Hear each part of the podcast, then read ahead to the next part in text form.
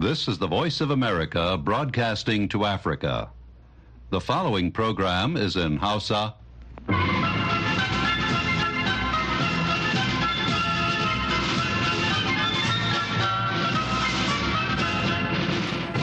Sashen Hausa na muryar Amurka ke magana daga nan birnin Washington DC.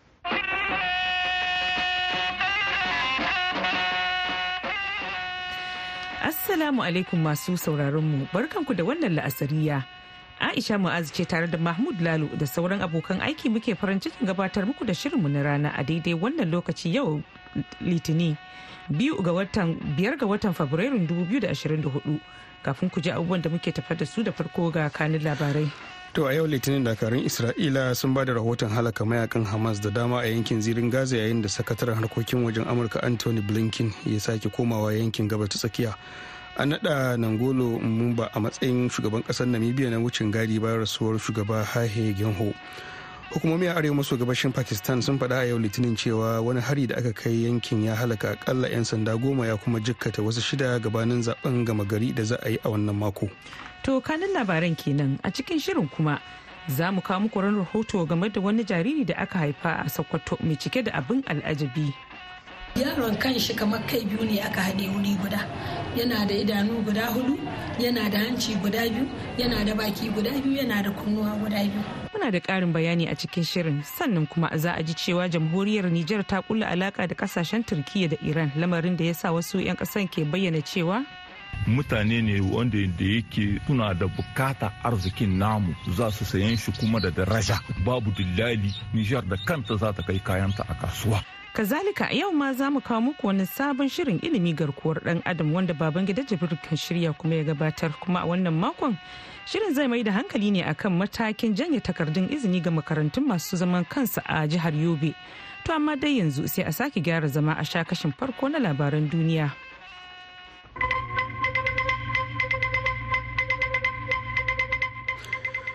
To jama'a assalamu alaikum. An naɗa Nangola Mumumba a matsayin shugaban ƙasar Namibia a matsayi na wucin gadi bayan rasuwar shugaba Haihe Genho. Genho ya rasu ne a asibiti a birnin Windhoek bayan fama da rashin lafiya. Tun a watan Janairu shugaban ƙasar ya bayyana cewa yana fama da cutar daji. A ranar Lahadi Mumumba ya ce ba shi da niyyar tsayawa takara a zaɓen da za a yi a wannan shekara. hakan na nufin sabuwar mataimakiyar shugaban ƙasar da aka zaba nan da induwatuwa ka iya zama shugabar ƙasar idan kuma ta yi nasara za ta zama mace ta farko da za ta jagoranci ƙasar ta namibia da ke kudancin afirka. Ko bayanai sun yi nuni da cewa akwai yiwuwar ta fuskanci ƙalubale daga jam'iyyarta ta suwafo idan har ta nuna sha'awar tsayawa takara. A yau litinin dakarun isra'ila sun ba da rahoton halaka mayaƙan hamas da dama a yankin zirin gaza yayin da sakataren harkokin wajen amurka anthony blinken ya sake komawa yankin dangane an cima matsayar dakatar da buɗe wuta. Dakarun tsaron isra'ila na idf sun ce daga cikin samaman da suka kai hada hararen sama da kuma na ƙasa a yankin khan yunis da ke da ake gwabza faɗa da kuma wasu hare-hare a arewaci da tsakiyar yankin na gaza. Majalisar ɗinkin duniya ta ce matsanancin fada da ake yi a kan yunis na ƙara tilastawa fararen hula yin hijira zuwa rafa da ke kudanci yankin da ke ɗauke da kusan rabin al'ummar gaza waɗanda ke zaune a tantuna marasa inganci. Secretary of State Anthony Blinken is returning to the region beginning Monday in Saudi Arabia. He also has stops scheduled in Egypt. Wakilin kamfanin dillancin labarai na APK ne ke cewa a yau Litinin Sakatare Blinken zai koma yankin inda zai yada zango a Saudiya da Masar.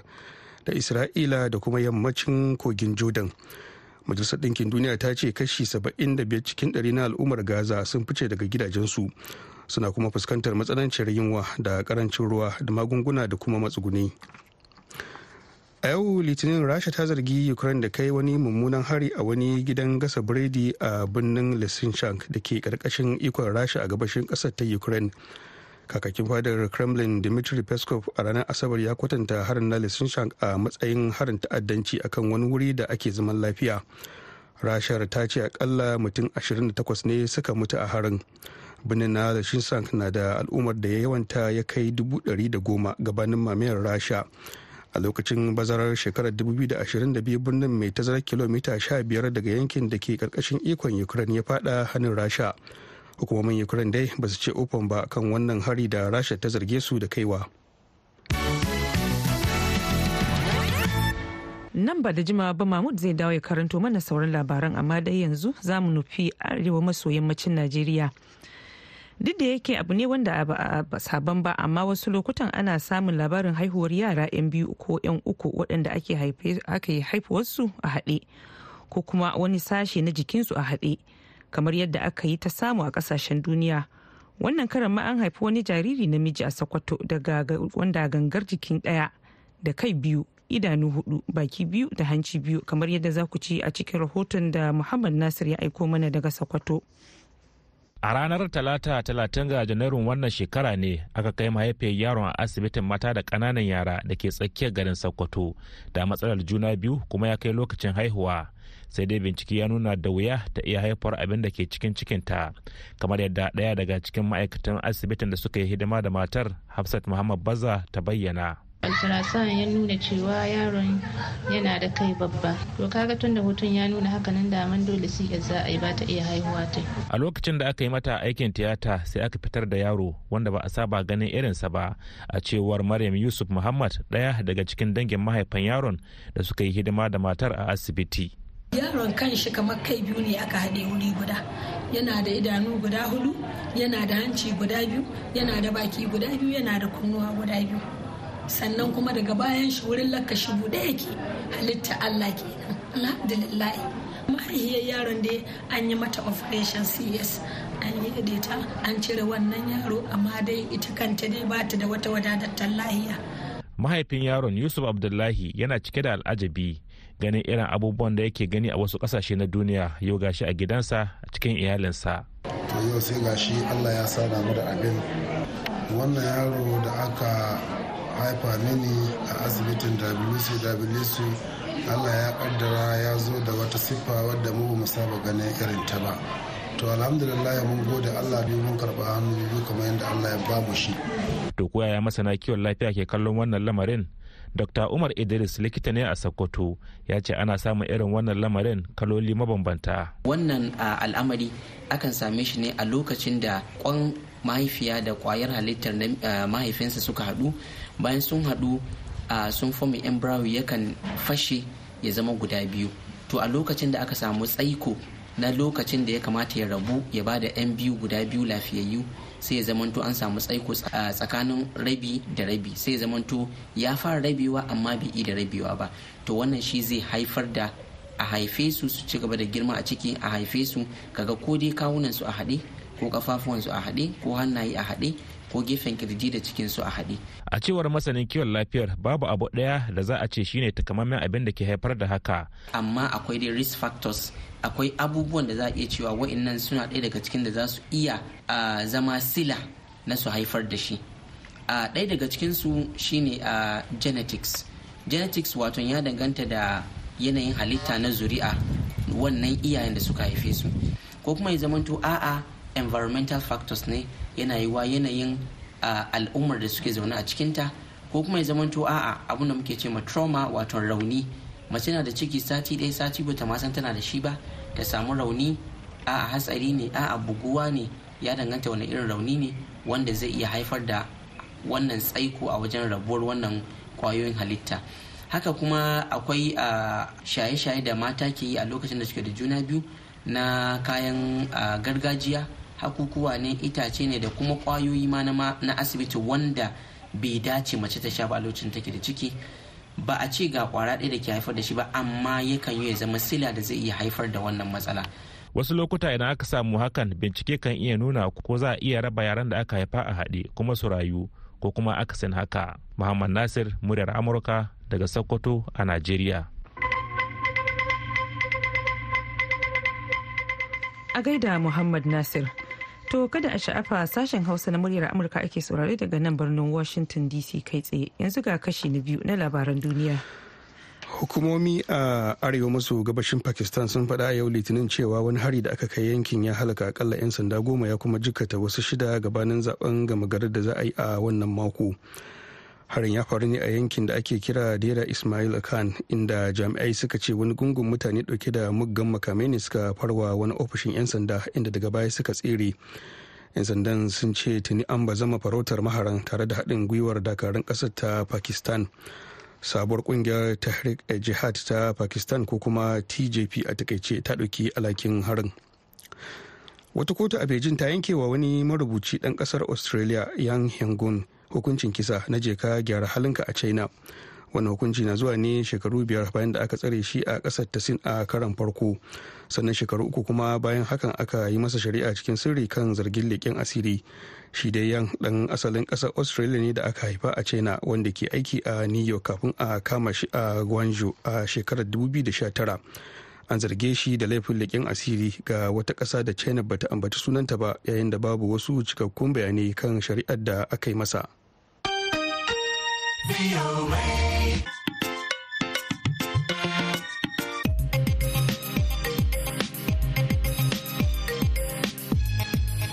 Mahmud Lalo kenan ya karanto mana labaran duniya daga nan sashen Hausa na muryar Amurka a birnin Washington DC.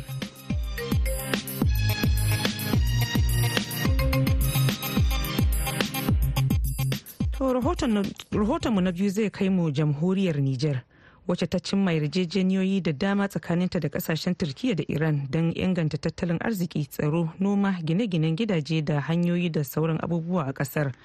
Kasashen sun cimma wannan matsaya ne a yayin wata ziyara ƙasashen da nufin neman mafita ga takunkuman tattalin arziki da ecowas ta wasu ƙasashen duniya suka kakaba mata. Wakilin muryar amurka hamid mahmud ya aiko mana karin bayani cikin wannan rahoton.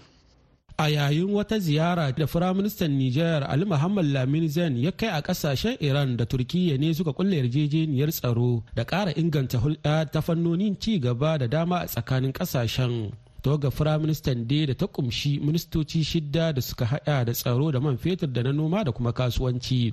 Makasudu wannan ziyarar dai ita ce ƙoƙarin samarwa ƙasar nijar mafita daga takunkuman ƙasashen afirka ta yamma cewa da ecowas wanda suka kakaba mata matakin da ya kai ga kullar jejeniyar kasuwanci da ƙasashen ali lamin zain firaministan nijar. Duk irin abubuwan da ya cancanta mu samu hulɗa da su mu fatauci kasuwanci wani ya shahi tsaro domin tattauna. Kuma allah ya hukunta a cikin kwanaki masu zawa akwai kwamiti namu na tsakankanin su da mu zai zamna a samu a ci gaba da yanda irin abin da muka samu yarjejeniya da su. Duka abin da ya shahi harkar tsaro da abin da ya shahi harkar kasuwanci gidaje da ya kamata a yi hanyoyi da wanda za a gina duka muna fatan na ka haɗu za a ƙara zantawa a bisa wani masana irin su alkasun mato na ganin akwai buƙatar nijar ta inganta hulɗarta da sabbin ƙasashe irin su turkiya da iran. Mutane ne wanda da yake suna da buƙata arzikin namu za su sayan shi kuma da daraja. Babu dillali nijar da kanta za ta kai kayanta a kasuwa. Abun da ake buƙata duka tana da shi tana yin shi tana kerawa. Ka gani iran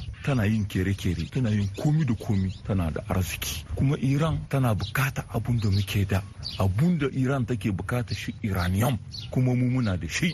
Mu kuma muna da bukatan kayan yaƙin da gareta muna da bukatan kayan noma da gareta kenan a nan za a yi ciniki a bisa wannan. Ko ba da kuji ba ka ɗauka ni ga abun da nike so wurinka ni ma ga abun da nike so wurinka. In baka dukiya ta ka bani taka. An kai da kitirki banda dukiyar da za mu kai mu saida akwai komi da komi wurinta. Yanzu dai yan ƙasar Nijar sun zura ido su ga sakamakon da wannan yarjejeniyar da gwamnati waɗannan ƙasashe wajen taimakawa Nijar fita daga cikin matsalolin da take fuskanta. Sakamakon takunkuman tattalin arziki da ƙasashen Afirka ta yamma suka saka mata bayan juyin mulkin ranar 26 ga watan Yuli shekarar da ta gabata. Sunana Muhammad. Hulɗar da Nijar za ta yi da Turkiya da Iran ya zamanto hulɗar da za a yi ɗan ƙasa su san me ake cikin ta. Ga a yi abu fulu ɗan ƙasa ba san me ake ciki ba kamar ta ya farko. Su gani a ƙasa su san haka nan ne ƙasar su ta samu ci gaba. Sunana Amma Ahmed. Wannan hulɗa ita ce wadda ta dace kuma Allah sa tafi wannan ta farko da aka yi ta yi. Ba mun ga fulo'i na farko wanda aka yi duka da dama wanda aka yi ba abin da ka canji cikin. Mu yanzu so muke duk wanda suke so su jawo su kawo su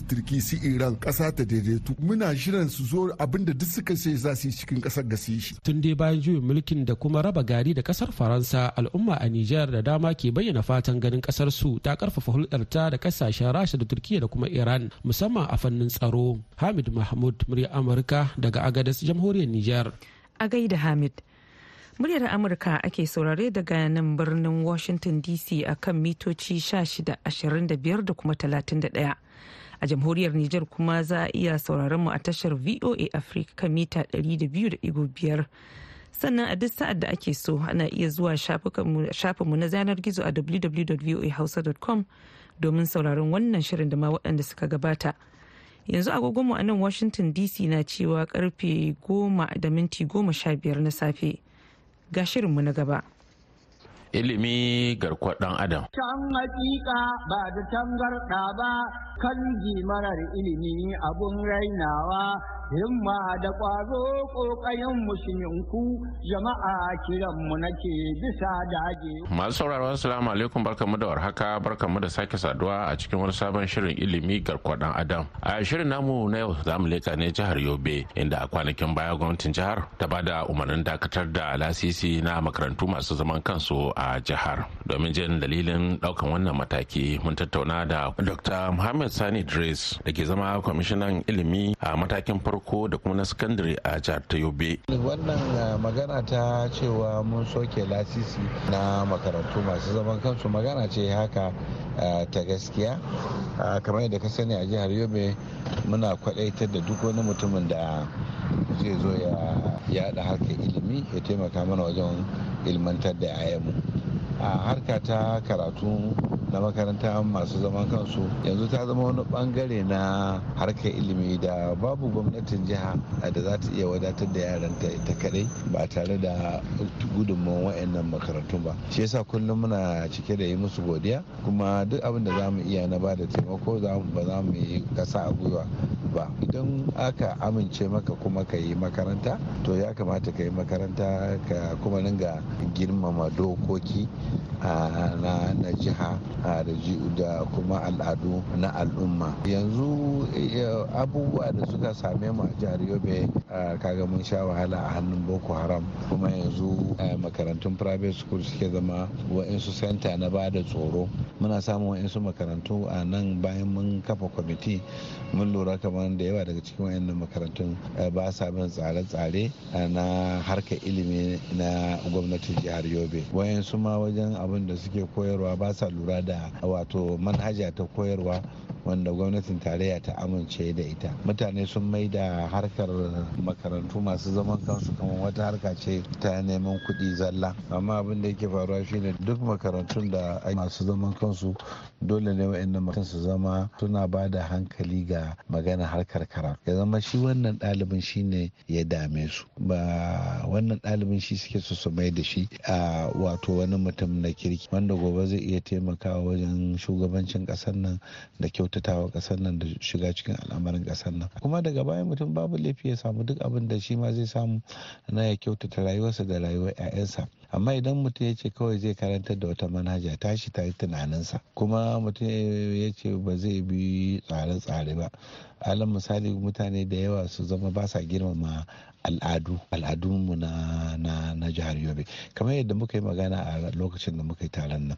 Cewa mu a jihar yobe duk wanda ya baka ɗansa ko yarsa ka koya masa karatu to yana ganin ka a matsayin uba ne. Ba zai yi ka kawo yarinya balagaggiya ka ajiye ta a kujera a tsakiyar yara guda biyu balagaggu. In ta taba nan namiji ne in ya taba can mace ce. Zai zama akwai ana koyar da karatu kuma ana bata tarbiya to irin wayannan duk abubuwan muke so mu kiyaye. Kuma muna so mu kiyaye irin yanzu abubuwa da suke fitowa na sababbin takardu wayanda suke ɗauke da wayansu maddoji na wa'insu abubuwa da suka shaba wato addininmu suka saba wa al'adunmu. Wa'insu littattafai yanzu zaka ga suna koyar da rashin tarbiyya. Ana maganganun da mu a yobe state kunno mu ba su taba jin irinsu ba. To kuma wa'insu makarantun sun samu approval tun da jima approval kuma bisa wa'insu dokoki cewa baka da abu kaza baka da abu kaza baka da abu kaza kuma rashin abu kaza da baka da shi ɗin nan ba zai barka kai irin karantarwar da ake buƙata kai ba. Sannan wa'inda suke karatu yanzu wa'inda kuma da yawa daga cikin su ba su da lasisi kuma makarantun su ingantattun makarantu ne ya kamata su ma a shigar da su cikin jerin wa'inda za a yi musu inspection domin a ba su wannan lasisin. Kuma muka sake sa sharaɗi cewa a duk mutumin da ya zo yobe mu iyayenmu sarakunan mu na gargajiya su ne wato masu riƙe da amanan al'adunmu masu riƙe da amanan tarbiyyarmu da sauransu. So bai kamata ce mutum ya zo daga wata uwa duniya ya buɗe private school a yobe ba amma shi sarkin garin ma bai san shi ba. Ya kamata ko dan gari ne ko bako ne in ya zo zai buɗe makaranta. To tun da tarbiyya zai ba 'ya'yan mutane kuma duk wani wanda yake gari ɗaya ne a wajen mai martaba sarki ya kamata shi ya je tukunna sarki ya fara tantance shi. Shi yana da tarbiyyar wato mai martaba da masarauta ta yadda da tashi tarbiyyar har da cewa zai iya ba wa kuma 'ya'yan masarautarsa tarbiyya.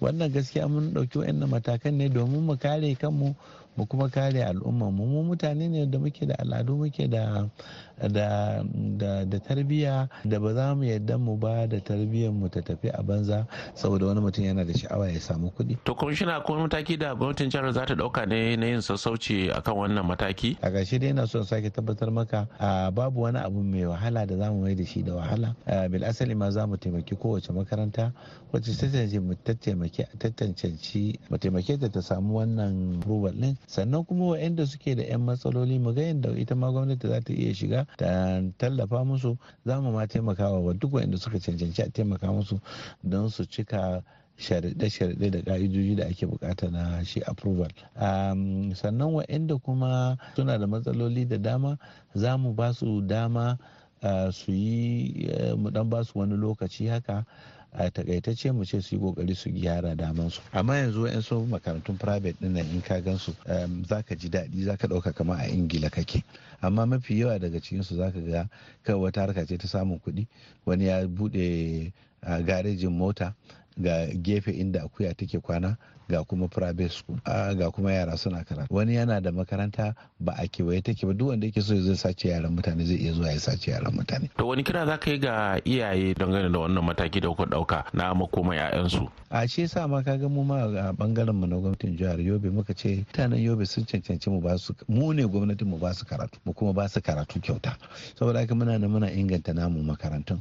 Kullum mai girma gwamna yana gyare-gyare kullum ana yi wa malaman nan training kuma yanzu ma muka ce a cikin ɓangaren makarantarmu a makarantun boko duka senior secondary school in allah ya daga wannan tam za mu buɗe wani ɓangare na hadda alkur'ani in an gama karatun boko kowa ya gama karatun bokonsa a lokacin da za a koma gida to kowane ɗalibi wanda yake buƙata zai rubuta sunansa za a fara koya musu hadda qur'ani daga bakara fatan mu shine nan gaba nan da shekara huɗu duk wanda zai fita daga makarantar na secondary school a yobe state ya zama ya iya turanci ya zama ya iya larabci kuma ya zama mahaddacin qur'ani kuma ya zama gawurtaccen wato wato masanin ilimin kimiyya.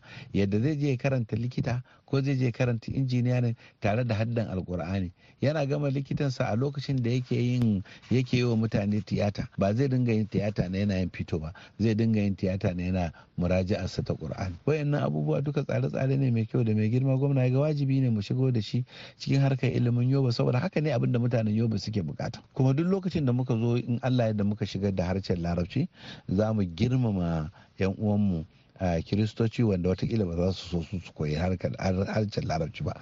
Amma za mu yi ƙoƙari su ko mu buɗe musu wani aji da za su dinga fara koyan yaren faransanci. A yobe state ba ma so kawai yaro ya gama makaranta turanci kwalli ya iya a cikin international language languages. Saboda haka muna buƙatar insha Allah ta'ala mu inganta wannan abun. Hajiya Hajara Ahmad Amshi ita ce shugabar ƙungiyar makarantu masu zaman kansu a jihar ta Yobe kuma ta mana karin haske game da yadda suka ji dangane da wannan mataki da gwamnatin jihar ta Yobe ta ɗauka na dakatar da lasisin makarantu masu zaman kansu a jihar. Soke wannan lasisi na makarantu din tunda an ba da takaitaccen lokaci ne kuma ba a hana kowane makaranta ci gaba da al'amuranta ba. Ina ga ba wani matsala ba ne tunda gwamnati ta ba da fi zuwa sati ɗaya ba. Za ta fara ba da fom ta ci gaba da registration na makarantu ɗin. To ina ga wannan ba ba yi da matsala saboda a zahiri 90% na makarantu da suke jihar yobe ba su da laisisi wasu ma ba su da takarda na irin takarda na permission na ronin makaranta kwata-kwata. A akasari yawanci makarantun ana budewa ne kowa yana yi da ra'ayin kansa dai ba manyan makarantu na cikin garin ba. Bisa wannan dalilin ne da gwamnati ta fita ta zagaya ta ga yadda wasu wuraren ke gudanar da karantarwa sai ya kamata makarantu a yobe su ma a samu tsari don a gudu tare a tsira tare. To a ne kuma shirin namu na wannan mako zai daga aya a madadin bakin namu da kuma jami'ar da ta ba da umarnin shirin Julie Leather Gresham naku abin ya jibrin ke cewa a huta lafiya sai wani makon. Can hakika ba da tangarɗa ba kan marar ilimi abun rainawa himma da ƙwazo ƙoƙayen musulminku jama'a kiranmu nake bisa dagewa. A gaida baban gida. To da wannan ne kuma muka kai ga shirinmu na ƙarshe wato labarai amma a taƙaice.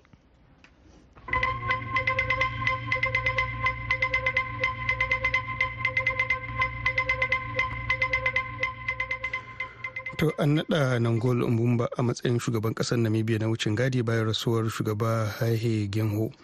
Genho ya rasu ne a asibiti a birnin Windhoek bayan fama da rashin lafiya. Kuma tun a watan Janairu shugaban ƙasar ya bayyana cewa yana fama da cutar daji.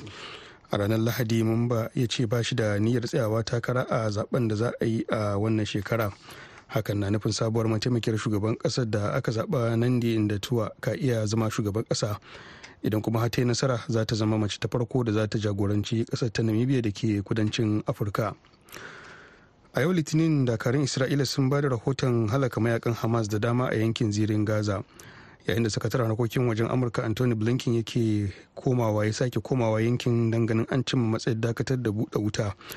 Dakarun tsaron isra'ila na idf sun ce daga cikin samaman da suka kai har da har-haren sama da kuma na ƙasa a yankin khan yunis da ake gwabza faɗa da kuma wasu har-hare a arewaci da tsakiyar yankin na gaza.